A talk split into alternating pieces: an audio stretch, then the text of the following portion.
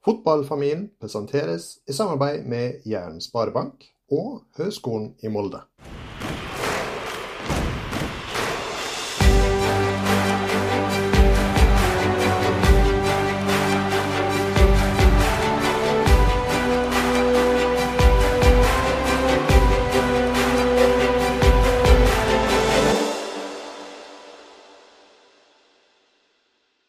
Velkommen til Fotballfamilien, en podkast for deg som er glad i fotball. Mitt navn, som alltid, Anders Hofjell Gjerseth, og oppe i Molde i full cupfinaleforberedelsesmodus. Og ikke minst eksamensmodus, som ja. jeg har sett. Det er godt. Ja, hvordan går det med eksamenene? Uff, nei, jeg gleder meg til å bli, til å bli ferdig, og, og, det blir en juleferie. Så det blir godt ja. å komme hjem til, til Egersund igjen. Og ikke ja, minst så håper vi på en uh, cupseier til Molde. Ja, ja, ja. Du, i dag så har vi med en uh, ganske uh, prominent gjest, vil jeg si. Det er en uh, erfaren mann som har opplevd utrolig mye på fotballbanen. du har jo hatt et ønske om å ha med han lenge?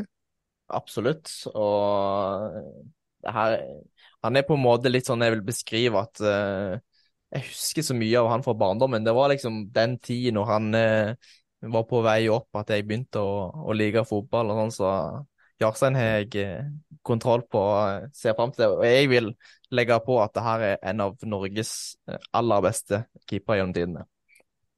Ja, da har du egentlig litt sånn eh, spoila. Jeg skulle liksom ha den kongeintroen her, så da skjønner jo alle at den vi har med oss, er Rune Almenning Jarstein. Velkommen til oss i Fotballfamilien, Rune. Takk for det. Du, eh, Sander sa det jo egentlig litt her, da, at eh, han var jo en liten keeperspiller helt tidlig, tidlig i sin fotballkarriere som eh, liten guttespiller. Han Var jo faktisk ganske habil helt til høyden tok han. Da var jo du en stor, eh, stort forbilde. Eh, hvor tidlig begynte du med fotball? Jeg begynte å spille fotball da jeg var seks år, jeg, og holdt det gående siden den gang. Så ja. begynte i Hercules og, og egentlig ja, siden jeg var seks. Ja, riktig. Du, eh, begynte du i mål òg? Nei, jeg begynte vel eh, litt overalt. Eh, litt klyngefotball som de fleste pleier. Men eh, jeg var spiss, og etter hvert så ble jeg spiss i første omgang og keeper i andre omgang, eller motsatt. Og jeg hadde det veldig gøy å være ute på. Så men så klart, eldre man blei og merka at jeg hadde et lite talent som keeper, så da blei det, ble det mer i mål. Når ja. begynte du å stå i mål? Jeg begynte ganske ung der òg, altså. Men eh, jeg tipper det var eh, sånn 13-14. Da begynte jeg vel å stå mer og mer i mål, da. Selv om jeg fortsatt likte godt å spille utpå, så ble det færre kamper som spiss. Mm.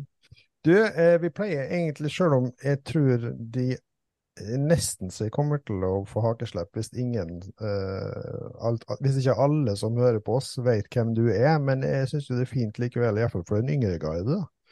Om du på en måte liksom bare kan eh, ta et par minutter til å oppsummere litt sånn, hva er karrieren fra Du sa jo at du begynte i Hercules, men hva, hva har det vært de ulike stoppene i, i din karriere? Jeg sa jo det begynte i Hercules. Eh, fikk min A-lagsdebut der når jeg var 15. Eh, gikk, skrev vel for Odd da jeg var litt usikker, 16 eller 17 år. Var der da fram til eh, vi rykka ned, dessverre, i sesongen 2007. Uh, eh, gikk til Rosenborg da etter det, var der i to sesonger. Fikk, eh, var så heldig å fikk oppleve cupgull. Um, uh, så gikk jeg til Viking i 2010, var der i fire sesonger. Før jeg fløy ned til Berlin og, og starten av 2014 og fikk åtte og et halvt år eh, i Berlin. Mm. Og så hadde du jo en ganske, jeg vil jo si, solid landslagskarriere, selv om du kanskje mangla prikken over i-en med et mesterskap. da, Men du, du, du, hadde jo ganske mange kamper for landslaget òg? Ja, da hadde vel min første samling i jeg tar feil i 2005. Så jeg, jeg, var vel innom der, eller stort sett med i, i, i 16 år. da, Så jeg hadde jo selvfølgelig håpa på et eh, mesterskap i løpet av de åra. Det fikk jeg dessverre ikke, men uh, mange gode opplevelser og uh, fikk mange kule landskamper. Mm. Og Da har du jo spilt under mildt sagt mange gode trenere òg? Ja, det har hatt, uh, hatt mange, mange, store, gode trenere. så det, det har vært eh, veldig gøy og veldig ja, lærerikt. Mm. Eh, det er jo en eh, litt sånn naturlig, og kanskje liksom før vi går over på neste spalte, så hadde jeg bare lyst til å, å begynne der det slutta, skulle jeg si. Eh, for du har jo på en måte stått i en litt sånn låst posisjon en stund, og det har vært en rettstvist med Herta osv. Jeg vet ikke hvor mye du er lov å si, men om du kan på en måte bare fortelle oss litt sånn hva de har gått i, og, og om på en måte resultatet ble litt sånn som du hadde håpet, eller går kanskje ikke å si at det går an å håpe på et resultat i en rettstvist, men iallfall om det har kommet greit til en minnelig ordning? Ja, det er klart. Det er, det er ikke sånn jeg hadde håpa eh, avslutningen i Herta skulle være. Det har hatt mange, mange fine år der. og eh, Selvfølgelig trist at det endte sånn. Eh, men så føler jeg at man ser på, på resultatet som, eh, som, det ble, at, eh, at jeg ikke har gjort noe, noe gærent og har god samvittighet overfor det. Eh, jeg kan si at det har vært eh, litt konstruktiv kritikk. Det føler jeg det må være takhøyde for. Eh, eh, rundt omkring på, på lag. Så, så det var kjedelig at det ble som det ble. Men jeg får ikke gjort noe med det nå. og egentlig kan nå jeg endelig legge det bak meg. Mm. Men har dette her på en måte da medvirka til at du måtte legge opp, eller har det andre årsaker? Nei, det er klart det er jo en stor del. Da. Jeg gikk jo hele fjor høst uten å fikk lov å trene med, med, noen lag, så det er klart eh, trener jo mye. Det gjør jeg, men jeg ikke får, får den eh, hverdagen med et lag, så blir det litt vanskelig. Så selv om jeg hadde treninger med Odd i januar og februar, så trengte jeg en pause da for å lade opp litt eh, rettssaken. og Den ble jo da utsatt tre eller fire ganger. så da ble pausa litt lenger, og sakte, men sikkert så, så, kjente jeg vel at det, eh, det, beste var vel å legge opp, da, selv om det var ikke det, det jeg hadde håpa. Jeg hadde håpa å spille et par år til, men eh, det er nok en riktig avslutning eller avgjørelsen. Det, vil jeg, det vil jeg tro. Mm. Men eh, er det riktig jeg forstår at det her har vært en på en måte sånn personkonflikt internt i klubben, hvor noen da ikke har tålt på en måte tilbakemeldinger, eller er det litt sånn større greie med flere involverte? Nei, Jeg kan, ikke, kan nok ikke si så mye mer eh, om det enn det jeg har gjort. Altså. Det, utenom at jeg eh, kan jo si at det alt som har stått i media, at jeg har skjelt ut, skjelt ut noen, det, det, stemmer jo ikke i det hele tatt. Så det er jo litt leit at sånn skal stå når det ikke er sant. Men Eh, som sagt så angrer jeg ikke på noe og hadde gjort det samme, samme igjen. Altså Så det, jeg har god samvittighet overfor det. Det høres bra ut. Vi er ikke så veldig konflikt, eller opptatt av å være konfliktdrivende i denne poden, sånn at jeg har ikke noe behov for å gå videre inn i det hvis ikke du kan si noe om det. Men det som jeg er nysgjerrig på, da, det er jo litt sånn og hvordan du da har Altså hva har du gjort for å på en måte klare å stå i det, den prosessen? For det er jo mange som gir opp i en sånn prosess. Ja, nei, det jo, blir jo litt, litt prinsipp òg. Vet at jeg ikke har gjort noe som helst galt. og da, da, er det lett å Eller lett, da er det riktige ting å være tålmodig og, og håpe på at det, det, går min vei. da. Så det er klart det har jo tatt utrolig lang tid, og det har jo dessverre jeg påstår lagt resten av karrieren min. Selv om jeg har fått en lang, fin karriere, så hadde jo et par år til vært, vært gøy. men det, det, går greit. Det var litt uh, det har vært kjipt selvfølgelig og litt tøft i starten, men uh, som jeg sa uh, tidligere til deg, at tre, tre barn, damer flyr unna. Og, så jeg har det veldig bra. Det er bra. Da tenker jeg det var en fin overgang til vår første spalte som skal handle om relasjoner. Spalten presenteres i samarbeid med Jæren Sparebank. Det er som vi sier det på Jæren, det er jabbene som drar. Et fast spørsmål til alle gjester. Det første spørsmålet vi stiller er da eh, hva tenker Rune Almenning Jarstein på når han hører ordet relasjoner, og hva betyr det for deg? Jeg tenker først og fremst på, på et lag da, og spillere som, som, eh, som, har ett mål, som går i samme retning. Som, eh, som tør å være åpne med hverandre, ærlige med hverandre, ha god kommunikasjon med hverandre. Sånn at man, eh, man lærer hverandre så godt å kjenne at eh, at, eh, at de, de, går i samme retning. da. Om du spiller eller ikke, så, så tror jeg det er eh, oppskriften på suksess. da. At, eh, uansett hvor misfornøyd du er, eller sånn, så at du er med på, med på, den retningen som resten går i. Så det, mm. det, er jo litt det jeg tenker når jeg hører ordet relasjon. Mm. Så da er det jo egentlig et bortkasta spørsmål å spørre hvilke relasjoner du tenker det, altså hva det betydning har i fotball. Men har du merka, fordi at jeg tenker som med lang karriere med mange stopp eh, og ulike plasser du har spilt og under trenere, har det vært stor forskjell i på en måte det hvordan eh, du opplever lag har trukket i samme retning? Er det noen ledere som utmerker seg som spesielt gode til å få det til? Har du merka forskjell på Tyskland og Norge f.eks.? Hvordan har det vært? Klart jeg har merka forskjell. F.eks. For i Tyskland, når vi hadde noen gode sesonger med Herta, så, så, var vi en klubb, eh, ikke bare spillerne, men eh, klubben, som, som, som dro i samme retning. og Det var, eh, var godt samhold og det var, det var smil. og ikke sant? Og Per år seinere så var det liksom så veldig mye nytt der, og folk som kanskje ikke hadde den samme si, hjertet for klubben som, eh, som, den gjengen som var der eh, når vi fikk gode resultater. Eh, og litt grupperinger, og da, da blir det vanskelig å få den, den virkelig gode relasjonen. Så øh, det er klart det er ikke lett å få relasjon, men det er klart greier man det, så har man kommet langt på vei til å få i hvert fall muligheten veldig mye større for å få gode resultater. Mm. Ja, og mange har jo på en måte snakka om det at det er en veldig stor forskjell på kultur i, i Norge og i Tyskland f.eks. Eh, er det noe som du har merka i forhold til det med relasjoner, og, og at sam, står mer samla som lag, eller? Ja, det er klart det er, det er en tøffere hverdag eh, i utlandet. Det er jeg helt sikker på. Og føler I Norge så er det liksom enda mer eh, mer sosialt. og Det merka jeg da jeg trente med Odd i januar og februar. Det var liksom mye mer sosialt og kaffe sammen og litt sånn der enn, enn i Tyskland. Eh, mer grupperinger i Tyskland òg. Eh, men tilbake til når vi hadde gode resultater i, i Herta, så, så, var vi da var det litt som i Norge. Altså. Vi var en fin gjeng som trivdes godt sammen og prata godt sammen også. Eh, men eh, jeg har merka at det, det, utlandet er, det er et eh, steg opp med tanke på ja, at det er tøffere. Mm. Annen type mentalitet, gjerne? Ja da, det, det, er jo det selvfølgelig her også. Vi alle spiller, men det er liksom litt, eh, litt, litt tøffere der nede. Kanskje både på trening og i garderoben. Det, det kan smelle litt. Mm.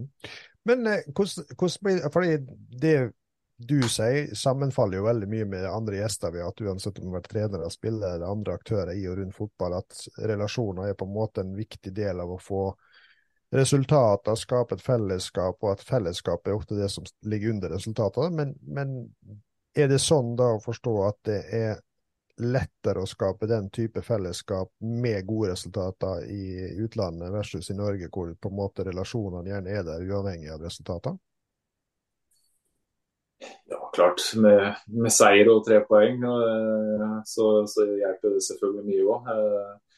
Jeg tror også det er viktig da, å ha en trener da, som er litt uh, sosial. jeg sa Pall Dardai, han er fortsatt trener i Herta nå, men han, han samla jo laget til karneval. ikke sant? Vi alle måtte kle oss ut og ut og spise sammen. og liksom Hele gjengen med, med, med koner og kjærester osv. Og, og, og sånne ting som det tror jeg er eh, veldig undervurdert. altså Da får enda større samhold. Eh, så det tror jeg også er utrolig viktig. Mm. Ble det tatt godt imot i spillergruppa i Herta?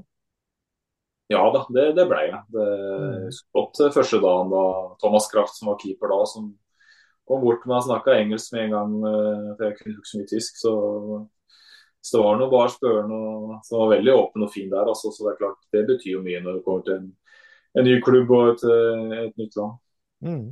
Ja, når du nevner det med, med keeper, altså, så det er sånn spørsmål så jeg lurer egentlig litt på hvordan det er å jobbe litt sånn i, i keeperteam, da.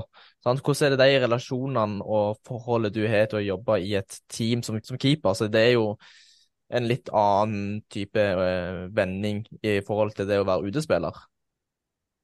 Helt klart. Uh, der er det en som spiller ja, hele tida, stort sett. Og andre keeperen får jo ikke de siste fem minuttene, liksom. Så Eh, men jeg har egentlig opplevd eh, stort sett overalt hvor jeg har vært, så har hatt et godt forhold til de andre keeperne. Eh, det tror jeg er utrolig viktig. da, Å pushe hverandre på trening og, og backe den andre opp uansett, selv om man har lyst til å spille selv. og Det føler jeg både på landslaget og, og i Herta da har vært sånn hele veien at man greier å backe hverandre opp.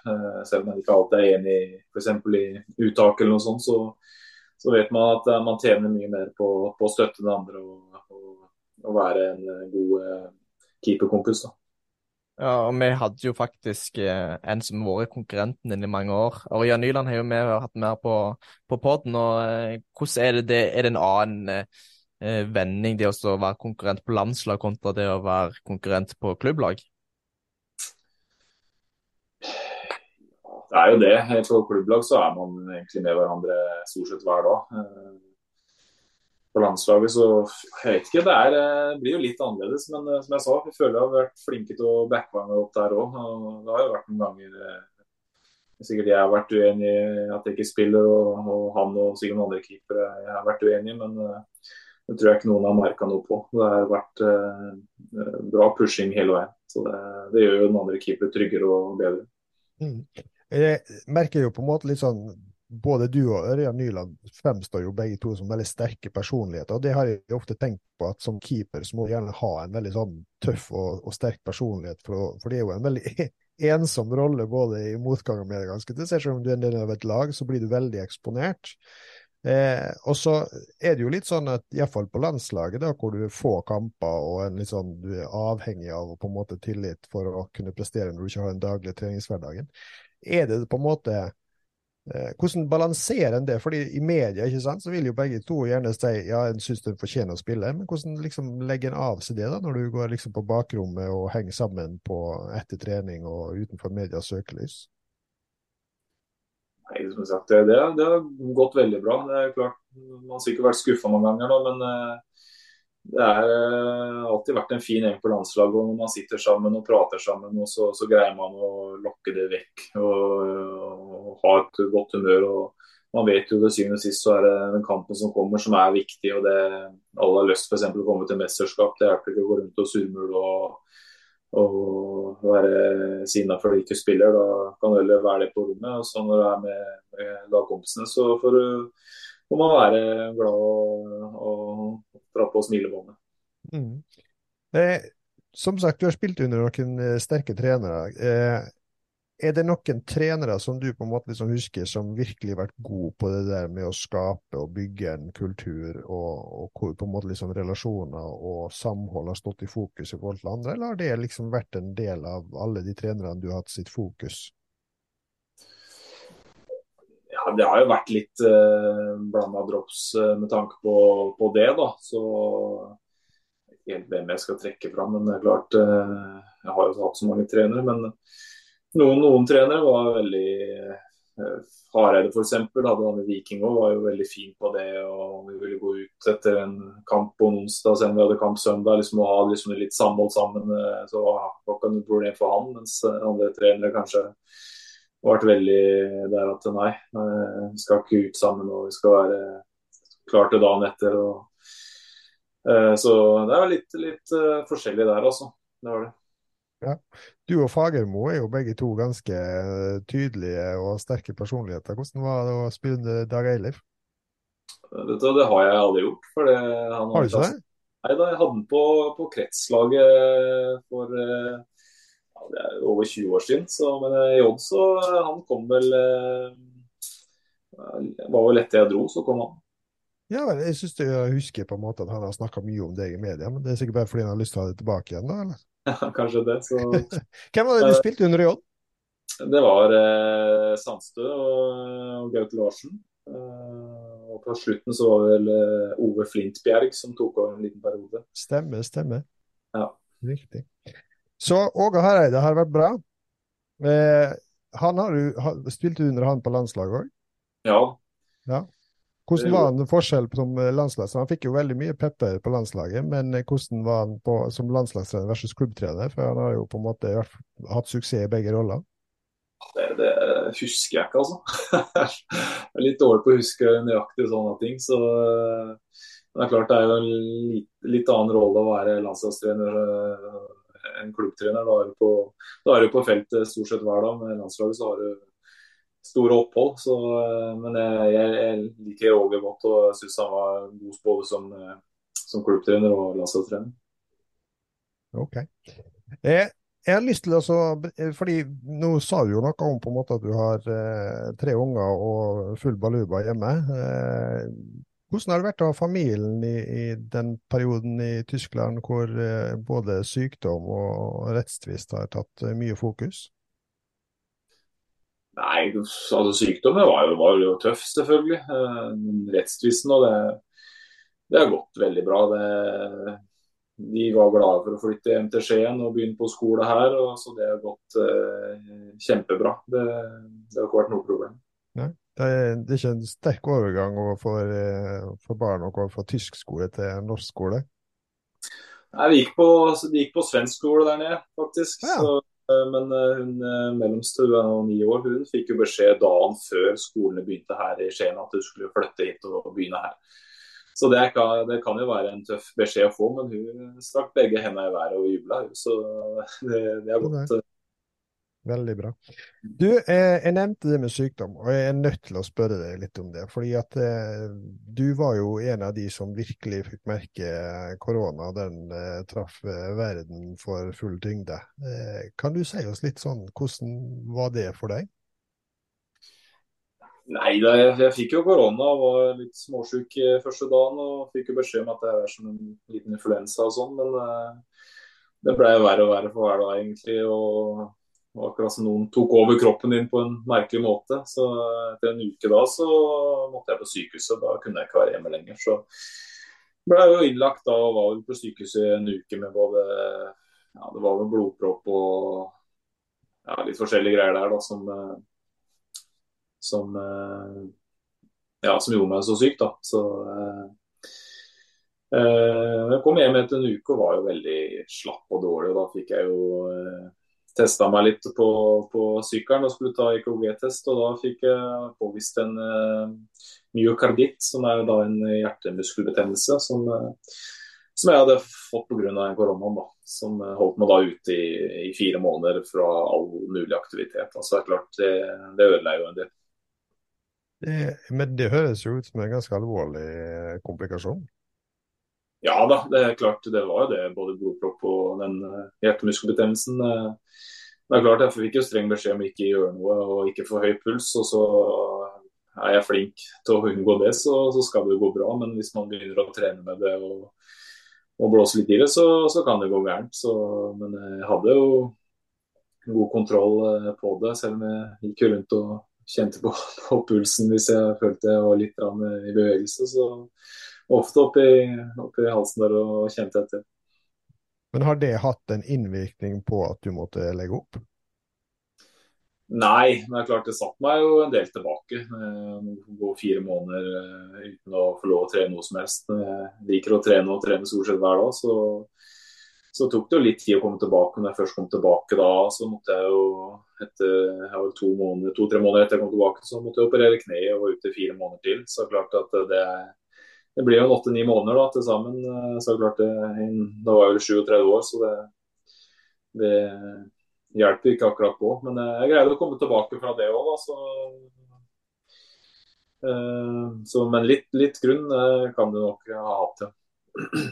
Altså, når det gjelder sykdom og sånn, så er vel kanskje ikke fotballen like viktig oppi det, men det blir jo litt naturlig at man tenker litt på fotballen oppi det uansett, tenker jeg. Og var du noe stressa for uh, i denne 20 år skadeperioden, da? At du skulle ikke komme tilbake, og det du mista med fotballen. Hva er det som gikk i, i hodet ditt da? Nei, når jeg, hadde, etter koronaen, jeg hadde den eh, betennelsen, så var det egentlig bare målet om å, å bli frisk. Uh, for jeg hadde jo lyst til å trene igjen og bevege meg og det. Så klart, eh, etter noen måneder han måtte operere, så, så kom jo tankene litt. da, og eh, I opptreninga så hadde jeg veldig vondt i kneet òg, så det ble liksom ikke noe bedre. He. Så jeg trente og trente og trente. Så fikk jeg faktisk korona igjen nå. Det var jo ganske mild, da, men da måtte jeg ta fem dager fri fra trening. Når jeg kom tilbake da, så var jo kneet som nytt. Så jeg trengte nok eh, litt pause. Eh, så jeg tenkte mine tanker da, men, eh, men jeg kom i hvert fall tilbake og fikk Fikk et par treningskamper i hvert fall eh, før jeg måtte eh, forlate Berlin, så det var greit. Ja, men, Er du- ja. Ja, er du helt frisk nå? Ja, ja. Det var, eh, det var, et, eh, det var fire måneder den betennelsen var. og da, Etter det så har jeg ikke tenkt noe på det i det hele tatt. egentlig. Det var bare å trene på fra første dagen. Og, så det, er helt, det var ikke noen ettervirkninger eller noen ting. ja, du er jo ikke noe På den tiden du ikke vært noe unggutt lenger, så er det noe sånn at du da tenker på å legge opp, eller var du bestemt på at jeg skal tilbake? Nei, jeg hadde jo, hadde jo eh, ett år eller to år til. Jeg skrev jo kontrakt faktisk eh, rett etter jeg være frisk, eller ja, toårskontrakt. Så da var det aldri en mål eller en plan om å legge opp. Nei, det var å kjøre på to år til, og egentlig til jeg var 40. Hvis du nå skal, Vi skal begynne å gå over på neste spalte igjen snart. Men hvis vi da skal, veldig mange av gjestene som vi har hatt i og rundt fotballsirkuset, sier noe om at fotballen er veldig altoppslukende. Altså den eh, blir liksom Alt legges opp rundt eh, fotballen. Eh, hvordan har det vært for deg, for nå har jo på en måte regna inn med familien din på en måte fulgt deg og så videre. Hva, har du opplevd det å kombinere familie og fotball som eh, en overkommelig ting, skulle jeg si? Har det vært noe dere har vært enige om underveis, og hvordan ser liksom det ut nå i tida framover? Nei, så Vi har hatt det veldig bra, mange fine opplevelser. og Det blir jo sånn at man uh, legger opp løpet litt etter meg. da. Uh, Målet mitt er jo alltid å være 100 eh, klar til kampen som er til helga.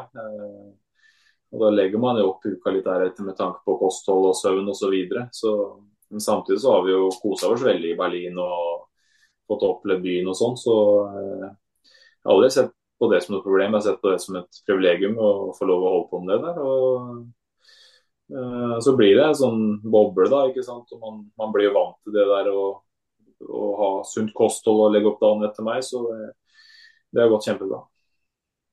Jeg har ett siste spørsmål når vi kommer til en relasjon som jeg eh, fikk ganske tidlig her. Når det, du sier litt det med at uh, media sier noe som ikke er sant, da. Uh, da lurer jeg litt på, hva er ditt forhold til media? Nei, altså jeg har ikke noe problem med det i det hele tatt. Jeg, Eh, jeg har jo vært med i gamet lenge og har jo, jeg har jo lest saker der det står ting jeg ikke har sagt før. Så det er klart, det er, det er kjedelig. Eh, Og i hvert fall nå som det står at jeg har sagt hit og datt og skjelt ut noen på feltet som jeg absolutt ikke har gjort i det hele tatt. Så det er klart, det, det er jo sånne ting som er kjipt, for det blir jo det blir jo helt feil. Men eh, man får ikke gjort så mye med det. Eh, Det gjør man ikke. Ja, Er det noen eh, journalister eller noe Altså de som skriver kanskje sager sånn som du ikke er like fornøyd med det, sånn at du får et litt dårligere forhold til deg og kanskje ikke liker lyst til å stille opp i saker eller, eller lignende? Det kan jo bli hvis det er eh, en som eh, kontinuerlig holder på sånn. Så er det klart da har man ikke eh, lyst til å, til å stille opp. Det er jo litt sånn gi og ta det der òg. Så det er klart at det der går litt med, med tillit å gjøre, det der også. Mm. Nå er det vel sånn, og det har du vel merka rundt eh, i utlandet òg, at media er jo veldig konfliktdrivende i kraft av at de skal selge overskrifter. Det er ikke alltid like sexy å på en måte høre ganske enkle svar. Eh, før vi går over til neste spalte, så har jeg, også, fant ut at det var greit å ta inn et lytterspørsmål. Vi har noen lytterspørsmål til deg gang. Eh, og da har jeg lyst til å hilse fra en som heter Rino Haugen, som åpenbart er truffet i Stavanger. Eh, Han skriver det at å møte deg etter Viking start i 2013 er et fint minne for resten av livet. Og keeperhanskene fikk han også med seg, så det er liksom sånn eh, hilsen fra han. Eh, han lurer på hvordan tida i Viking var, og hva som var den beste lagkameraten i løpet av tida i Viking, og eventuelt hvem var vanskeligst å gå overens med. Nei, Tida i Viking var, var fin, men det var eh, skulle selvfølgelig ønske vi fikk litt bedre resultater eh, det vi gjorde. Men jeg hadde en fin tid, fin gruppe og ble kjent med mange gode mennesker. Eh, så jeg hadde mange gode venner i Viking. Det Kanskje den beste er eh, Johan Lærde Bjørdal, som jeg, som jeg har god kontakt med, med fortsatt. Prater en del med han. Uh, og jeg gikk jo godt overens med alle. Jeg hadde mine feiter med, med Trond Olsen uh, på trening. Og, så han har jeg litt kontakt med fortsatt, så det er ikke noe med det. Men det, det, vi hadde noen artige, artige krangler på treninga, så det kunne gå en kule varmt mellom oss. Det er bra. Sånn skal det være. Ja, ja. Da skal vi bevege oss videre over på neste spalte, som skal handle om motivasjon og utvikling. Spalten presenteres i samarbeid med Høgskolen i Molde. Naturlig nok eh, å starte litt sånn, gå litt sånn tilbake igjen da, i forhold til det med utvikling og utviklingskurve. Du sa jo noe om at som keeper så, så starter du på en måte litt sånn både spiss og keeper. Eh, hvis du skal tenke tilbake igjen, da. Eh, hva har vært de viktigste grepene eller eh, valgene du har tatt for å komme så langt som keeper som du har gjort? Nei, skal jeg si, ja. Først så jeg fikk jo, eller jeg hadde en keepertrener som heter Tore Kaspersen. Eh, han hadde jeg fra jeg var 13 til jeg var 23 da jeg gikk til Rosenborg. Eh, og det har jo uten tvil vært det viktigste for meg. Eh, samtidig som jeg var veldig treningsvillig. da, Jeg hadde lyst til å trene hele tiden. Eh, det var utrolig gøy. Så det at jeg var så heldig å ha han, eh, det gjorde meg til at den keeperen jeg til slutt ble. da, eh, La et veldig godt grunnlag. Mm. Du hadde jo noen år i, i Tyskland der du eh, fikk noen eh, mildt sagt veldig gode priser som årets keeper, rangert som den beste keeperen i, i Bundesliga i Tyskland. Og, og dette var jo egentlig ganske seint i karrieren. Og det er jo faktisk en litt gjenganger med flere keepere, at de får en litt sånn glow-up og, og blir litt eh, bedre da, eller iallfall presterer bedre i kamper i senere alder. Er det noe eh, grunn til at det, at det er sånn med keepere? Ja, litt med, med erfaring, da. Man, man får erfaring etter hvert. og jeg tror eh, flere grunner til at jeg, jeg, fikk så mange år der nede, at det gikk bra. Jeg hadde en keepertrener som er ungarsk, som heter Cholk Petri. og Jeg hadde vel han i fem år der, som eh, betydde utrolig mye for meg. Altså, På feltet var fantastisk, og på det menneskelige plan. da, bare å snakke med han ga meg en god følelse. liksom Han er alltid ærlig og veldig behagelig å snakke med. og det er klart, Når man har sånne, da, det, da snakker vi relasjoner igjen. ikke sant? Den relasjonen vi hadde da, det, Uten den så hadde jeg aldri fått uh, sikkert noen kamper med hjelpa der, tror jeg. så det, det, har vært utrolig viktig. og Det er litt for yngre keeper òg, at jeg, jeg kom jo meg ut uh, året jeg fylte, fylte 30. Så det å liksom greie å se litt fram i tid, da, være litt tålmodig da, og jobbe kontinuerlig hele veien for å bli bedre, så, så kan det så er det aldri for seint, på en måte. Man, kan, man trenger ikke å dra ut som 15-åring. Man kan lykkes med det med å dra ut senere også. Det har jo vært, vært, en del gode keepere i Bundesliga òg eh, etter hvert. Ørjan Nyland var jo også der. Men det er ikke mange keepere som har, norske keepere som har blitt kåra til beste keeper i Bundesliga et år? Nei da, det, det var kjekt det. det. det. var jo en av de sesongene der hele laget presterte ganske bra. og ja, vi, vi, hadde en god sesong da, så det, det er klart det var, var en, det var en uh, fin tid. Mm. Er det på en måte litt sånn et slags høydepunkt uh, for deg i proffkarrieren, eller? Jeg vet ikke, jeg har ikke, jeg har ikke, tenkt så mye på det faktisk, altså, men det er klart det er jo, det er jo gøy å, å komme på årets lag. Det er jo, som du sa, veldig mange veldig mange gode keepere i, i Bundesliga, så, så, det er klart det var, det var artig, det. Mm. Eh, litt sånn, som sagt, stegene en tar eh, fremover i, i, og de relasjonene en på en måte etablerer underveis i, i fotballkarrieren, har du jo vært innom flere ganger. Eh, jeg tenker litt sånn, jeg må jo på en måte innom, jeg begynner med en litt aldrende mann, skal ikke si at hukommelsen er alltid like god, men jeg syns å huske en del ganger når jeg fulgte litt bedre med, at du hadde litt problemer med temperamentet tidlig i karrieren, stemmer det? Ikke problemet med temperamentet, det hørtes veldig negativt ut. Altså Du kunne noen ganger komme i situasjoner hvor temperamentet gjerne ble det som fikk fokus. Det stemmer. Og eh, når jeg brukte temperamentet mitt riktig, så var jeg veldig god. Mm. For da, det, det, det, ja, det gjorde meg sterkere da og fikk meg til å levere. Men når det bikka over, så gjorde det meg veldig dårlig. Så eh, jeg har jo hatt noen episoder, ikke sant. Men eh, jeg har lært av de og fått erfaring, blitt eldre. og jeg vil påstå at Etter jeg kom til Tyskland, så har det ikke vært noen episoder i det hele tatt. Så det er klart, eh, temperamentet det Når jeg greide å bruke det riktig, så var det veldig positivt for meg. Det var det. Mm. Men handler det da på en måte om det med modning og få erfaring, og, og liksom at en blir mer liksom voksen i topplokket, eller har du gjort bestemte grep, jobba med det på spesielle måter, som gjør at det har vært lettere å kanalisere riktig senere? Litt begge deler. Jeg har jo snakka med folk, ikke sant. Og brukt uh, Jan Kvalheim, uh, tidligere Volvo-spilleren. Uh, som er en god, god, god venn av meg, som jeg, som jeg egentlig har snakka mye med oppover i karrieren. Eh, bare han sa til meg i år i Rosenborg-perioden at jeg skulle skrive en F på hanskene mine, og det sto for fokus. Eh, så jeg husker jeg brukte det en del hvis jeg kjente at det nå begynner å bli et eller annet eh, siden der. Så begynte jeg å kikke på den F-en, og det hjalp meg en del ganger. Det er bare sånne småting, da. Mm. Så, men så klart har jeg jobba mye med det selv også. At jeg bruker bruke fokuset mitt riktig og ikke bry meg om ting jeg ikke kan gjøre noe med. Uh, om jeg glepper en ball på trening, uh, så er det neste situasjon som teller. da. Ikke, jeg kunne jo I starten i Odd, hvis jeg begynte treninga med å glippe to-tre måler, så kunne hele treninga være ødelagt. Så, sant? så det var på det nivået. Så det er klart, uh, fokuser på, på, neste ball, neste ting. og det, det som har skjedd, det får du ikke gjort så mye med, utenom å, å lære av det. da. Mm. Men har Jan Kvam vært eh, en type mentaltrener for deg, eller har det bare vært en sparringpartner fordi du kjenner ham utenom? Ja, mer en sparringpartner. Jeg har alltid vært en, god venn av meg som, som, jeg har hengt mye med. da. Så det er klart, Jeg har hatt mine samtaler om han, med han om å finne de rette mekanismene. at Hvordan, hvordan greie å ha fokus da, og, uh, for å levere best mulig.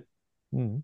Tror du det har hatt stor betydning det at han sjøl har vært toppidrettsutøver ganske, på ganske høyt toppnivå? da? Eh, at de erfaringene han har hatt, har hjulpet deg i de samtalene dere har hatt? Ja, det tror jeg. Han har eh, masse erfaring han òg, ikke sant. Så klart, det, det, har nok, eh, det er veldig positivt, uten tvil. Mm.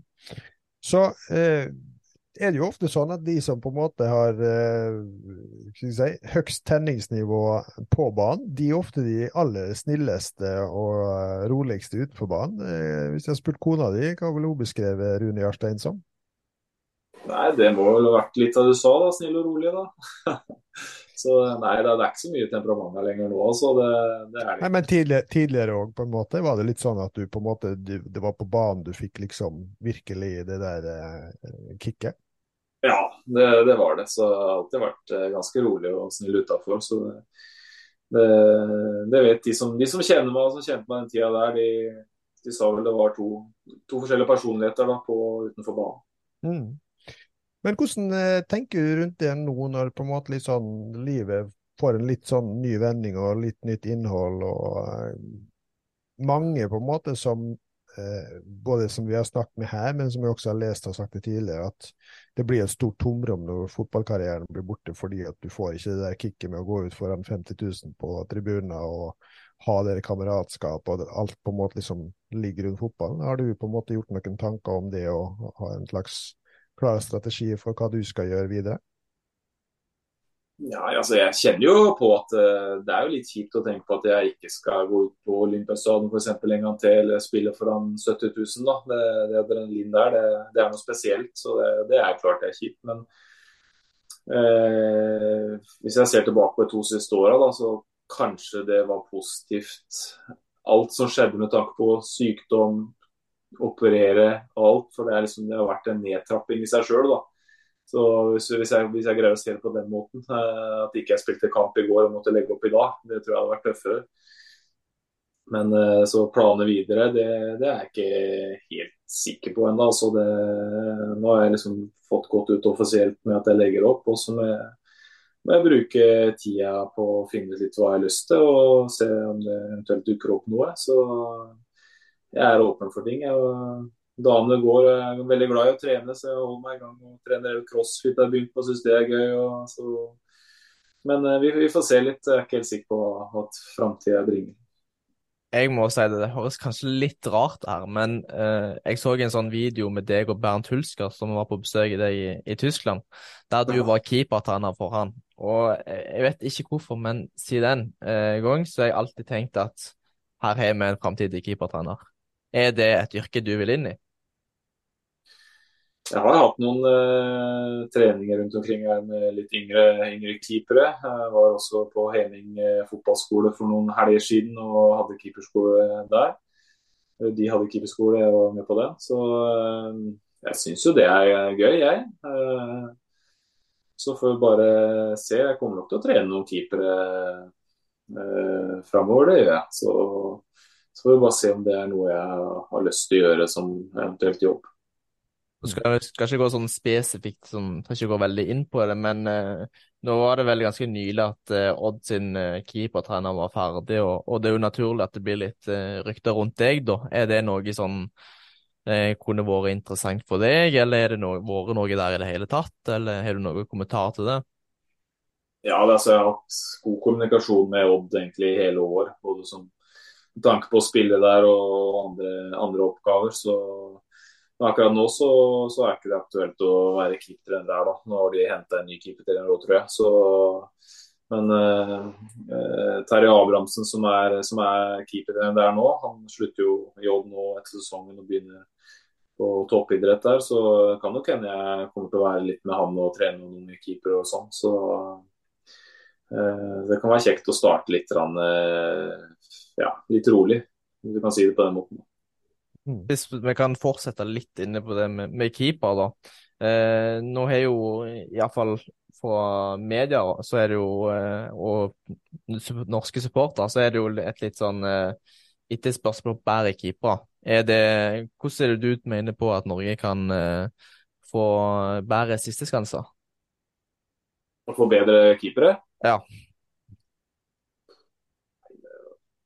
Godt spørsmål. Det er eh, jeg skal svare på det. jeg syns det er mange, mange, gode keepere. Det er mange talenter. Eh, eh, så er det jo nå Det er en del keepere som har gitt seg de siste åra. Uh, André Hansen, Sten Grytebust. Jeg er ikke med lenger. Så Men jeg syns Norge er flinke på keepertreninger og og har et uh, godt opplegg for det, så, så gjelder det å få fram de riktige typene. ikke sant? Og de, de vokser jo ikke på trær uh, noen steder, det gjør de ikke. Så Eh, det er ikke noe veldig mye ja, så veldig godt svar på, på hvordan få bedre keeper, egentlig. men jeg syns det jobbes veldig bra. Ja, da, da, kan jeg kanskje Jeg skal ikke si at jeg har så mye å komme med i den for så god innenfor fotball, men iallfall som vi var inne på i sted, å være keeper det er jo en mye mer utsatt posisjon enn alle andre posisjoner på banen, fordi at du både, eh, som du, du, var inne på, er du i en konkurransesituasjon, så enten så spiller du, eller så spiller du ikke. Du får ikke de der fem minuttene med mindre det er skader eller andre ting. da. Eh, samtidig som at eh, gjør du en feil, så blir det ekstremt synlig, og, og veldig ofte òg veldig fatalt jeg har av og til på en måte liksom lurt litt på, fordi vi har hatt en del gjester hvor vi har snakket om det med, med, mentalitet, og du var jo inne på det at det er en tøffere mentalitet i utlandet. Kan det være vanskelig for unge keepere å på en måte litt sånn tidlig etablere seg f.eks. på landslag og, og, stå stabilt, fordi at vi kanskje har en litt mjukere mentalitet i utviklinga her hjemme? Ja, med tanke på utlandet? At, uh... ja. ja, sånn konkurransesituasjonsmessig? Ja, det er jo Hvis du ser nivået sånn, så er det klart det å spille i utlandet Hvis du, det du mener, så er det klart det, det gir nok mer utvikling. Og da får du en annen hverdag med, med høyere nivå. da, Så da eh, er det nok litt lettere å komme på landslaget og møte de store nasjonene enn å bare spille i Tippeligaen, vil jeg tro. Mm. Men jeg tenker litt sånn, for eksempel, Du har jo hatt Christer Claesson som gikk til, til, utlandet, og det var vel en som eh, gikk til Frankrike, jeg husker ikke navnet på han i farten. Men, men, så blir det jo på en måte fort benk, ikke sant? og da, da, da, stopper det jo fort opp. Eh, er det på en måte litt sånn Er gjerne spillerne litt for utålmodige og går ut for tidlig?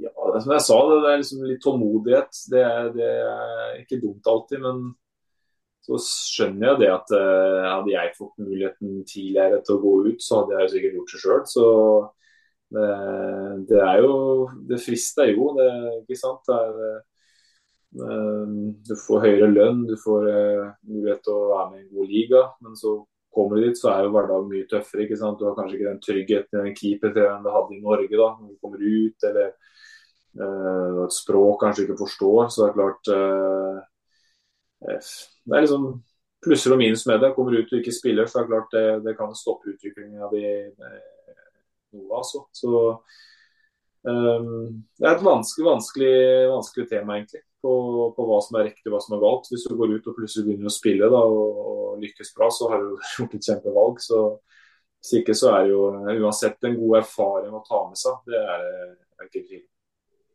vi har et uh, relevant uh, lytterspørsmål som jeg kan ta med inn i dette. da, Litt tilbake inn på det jeg var inne på i stad med, med, tips til keepere. Da har vi et spørsmål fra Selmar her som spør eh, hva han syns er viktig, eller hva, hva er det viktigste å fokusere på tidlig i barne- og ungdomsfotball? Jeg tror som keeper å få inn den basistreninga tidlig. da, å Lære grep og få, få inn teknikk og sånn, det, det, er utrolig viktig. og jeg ser jo rundt omkring så er det, det er mange keepere som har lyst til, lyst til å bli gode, da, som, er, som er OK keepere, men de har ikke noen keepertrener, og da, da, er det vanskelig. Så det å begynne tidlig med, med en keepertrener, og det, det, er uten tvil det, det viktigste for å, for å, bli god. altså Ha en god eh, samtalepartner der går det an å tenke at det kan være viktig i, i tidligere faser og ikke nødvendigvis en mental trener, men å tenke litt mentalt for keepere. da, så Jeg husker jo selv det at uh, det er tungt når du som keeper står for mye større feil enn det UD-spillere gjør. og sånn, Litt sånn som du gjør, at uh, det får du ikke gjort noe med, med å tenke neste hele veien. Er det noe uh, unge keepere kan gjøre i, i tidlig alder, f.eks.? Ja, det er, det er, klart det er lettere sagt enn gjort å tenke neste ball, tenke neste ball. Det, det er ikke alltid like lett. Men uh, det er klart, har en, en som hjelper deg med keepertrening uh, når du er ung, og samtidig er uh, flink til å kommunisere med deg, prate med deg og, og bygge deg opp, det, det, er utrolig viktig. For det der å stå i det alene hvis du gjør en feil og liksom etter kampen så har du liksom ikke noen å prate med, da, som kanskje forstår eh, keeperverden. da. For det er, det er, ikke så mange som forstår den egentlig utenom de som har vært keeper selv. Så det, det er eh, viktig altså, å få inn ganske tidlig hvis man har mulighet til det. Mm. Så hvis jeg tolker det riktig, der under, så er det både det med å få mer ressurser til keepertrenere tidlig, det vil være et uh, stort pluss. Og også på en måte at de har kanskje et litt sånn apparat hvor du kan snakke om uh, rolleforståelse, fokus som keeper osv. At uh, det er viktige elementer for å, å, få en god utvikling fra start av. Helt klart. og får jo da, som jeg sier, da, en keepertrener som samtidig er en god samtalepartner, da, som, som hjelper deg der med det mentale. så så er det da er det et godt stykke på vei allerede altså, til, til, å lære å bli, bli en god keeper. Mm. Har du, eh, som blir liksom sammenlignet i Norge-Tyskland igjen, men har du en opplevelse av at det med de mentale aspektene og det med mental trening og fokus på, på prestasjon og motivasjon osv., er det større fokus på det utlandet enn her i Norge? På mental trening? Ja. Mental trening og mentale aspekter ved fotballen? Ja, altså Mental trening det hadde vi ikke noe i hjertet, og Det, det er klart, det, det, det, mener jeg burde vært i, i hver klubb. for det, eh, det er ikke så mye som skal til alltid. Hvis du har en, en å prate med, en, mm. kanskje en annen enn familien din eller en annen uh, spiller eller noe sånt. og eh, Så er det bare noen få ord noen ganger som skal hjelpe deg til å få med lille ekstra selvtilliten eller lille ekstra trua og kanskje glemme det negative og tenke på det positive. og det så jeg mener at, uh, at hver, hver, klubb uh, burde hatt en sånn. Så er det klart det er opp til spillerne selv å velge om de vil snakke med eller ikke. Men jeg tror hvis du spør de spillerne rundt omkring som har en mental trener, at det har nok hjulpet de voldsomt til å levere bedre enn hvis de ikke hadde hatt det, jeg tro. Mm. Du har jo hatt din del, og selv om du på en måte har hatt en fantastisk karriere, så har du hatt din del av motgang underveis. ikke sant? Du har eh, hatt dine runder på benken, du har hatt tøff konkurranse om plassen i mange faser, og du har stått i konflikter, og du har eh, vært syk, altså skada. Kan, kan, du si hva er det som gjør at du på en måte sånn ikke gir opp, da, og at du finner denne motivasjonen til å stå i det i en tøff hverdag, tøff konkurransesituasjon? Eh, har du liksom noen tips å dele til unge, lovende spillere i forhold til hva som er viktig for å klare det?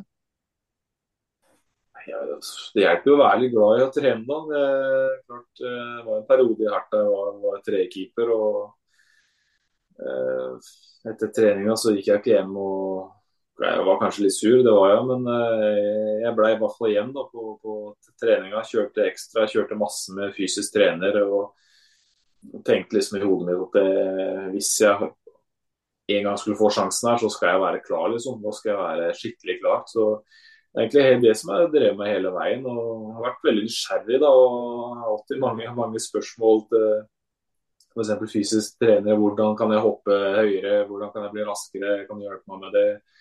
Så det er liksom hele tida ligger i bånn at jeg har lyst til å bli bedre. og jeg fikk jo et spørsmål fra en, en spiller i Viking som spurte hvorfor gidder å trene så mye.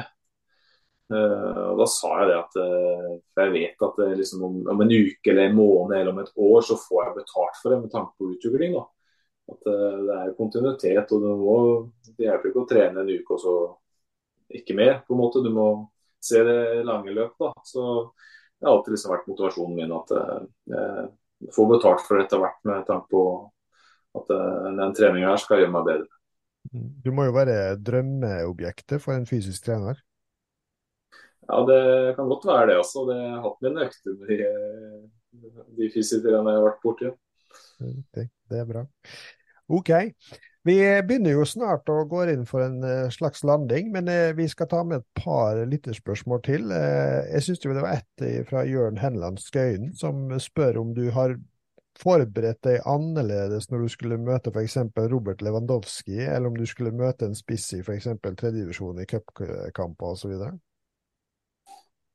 Jeg må jo si at uh, når man skal møte f.eks. Lewandowski, da, så er jo dunka vel hjertet litt ekstra når vi vet at det er Bayern som står på andre sida. Uh, men uh, uansett motstander i Bundesliga f.eks., så, så gjør jeg vel det samme hver gang. Jeg gikk inn på, på spisser og, og, kanter og liksom tok straffer og kikka på de. da, og, altså, Hva var spesielt med de, hvor skjøt de eventuelt. og så det, jeg prøver å forberede meg på, på, på samme måte uansett motstander. Det, det gjorde jeg.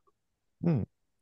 Eh, og så hadde vi et eh, siste spørsmål. Hvem er den beste spissen du har møtt i en karriere?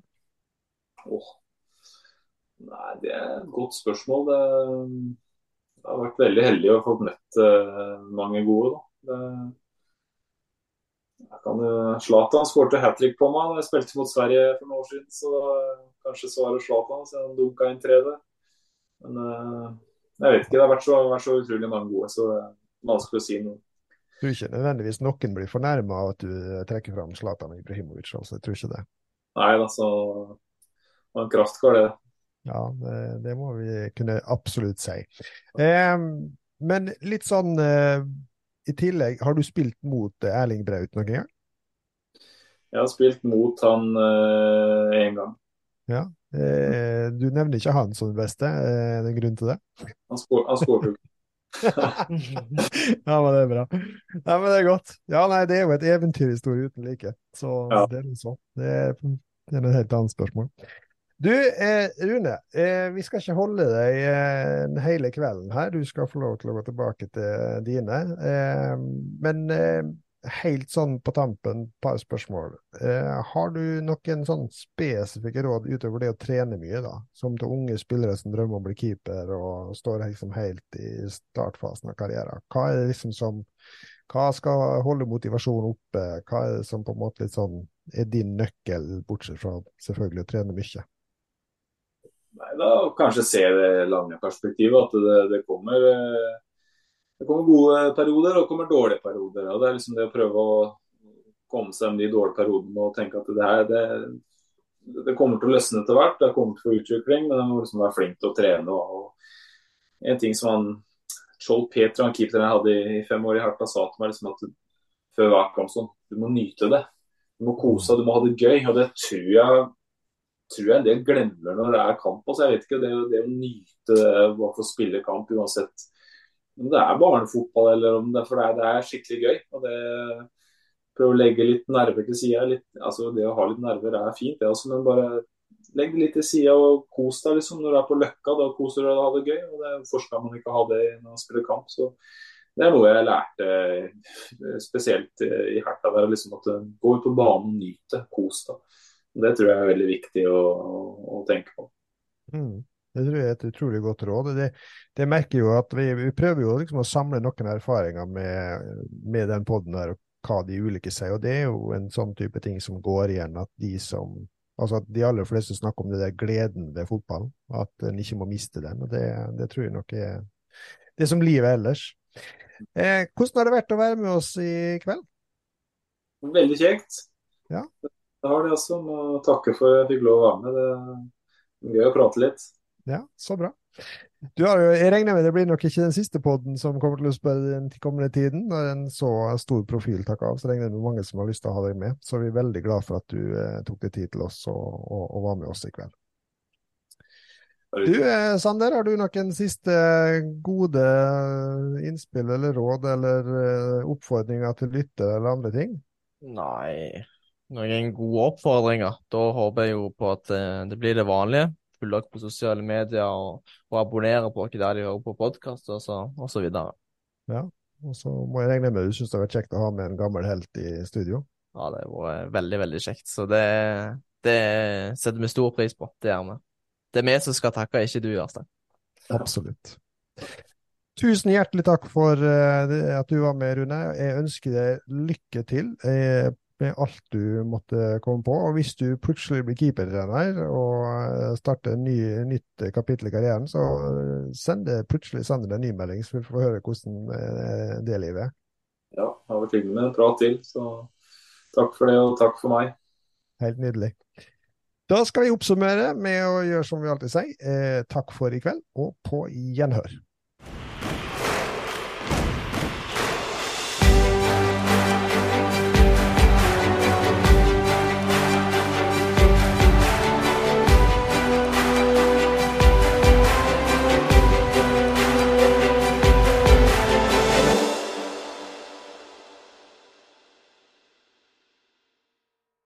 Fotballfamilien ble presentert i samarbeid med Jæren Sparebank og Høgskolen i Molde.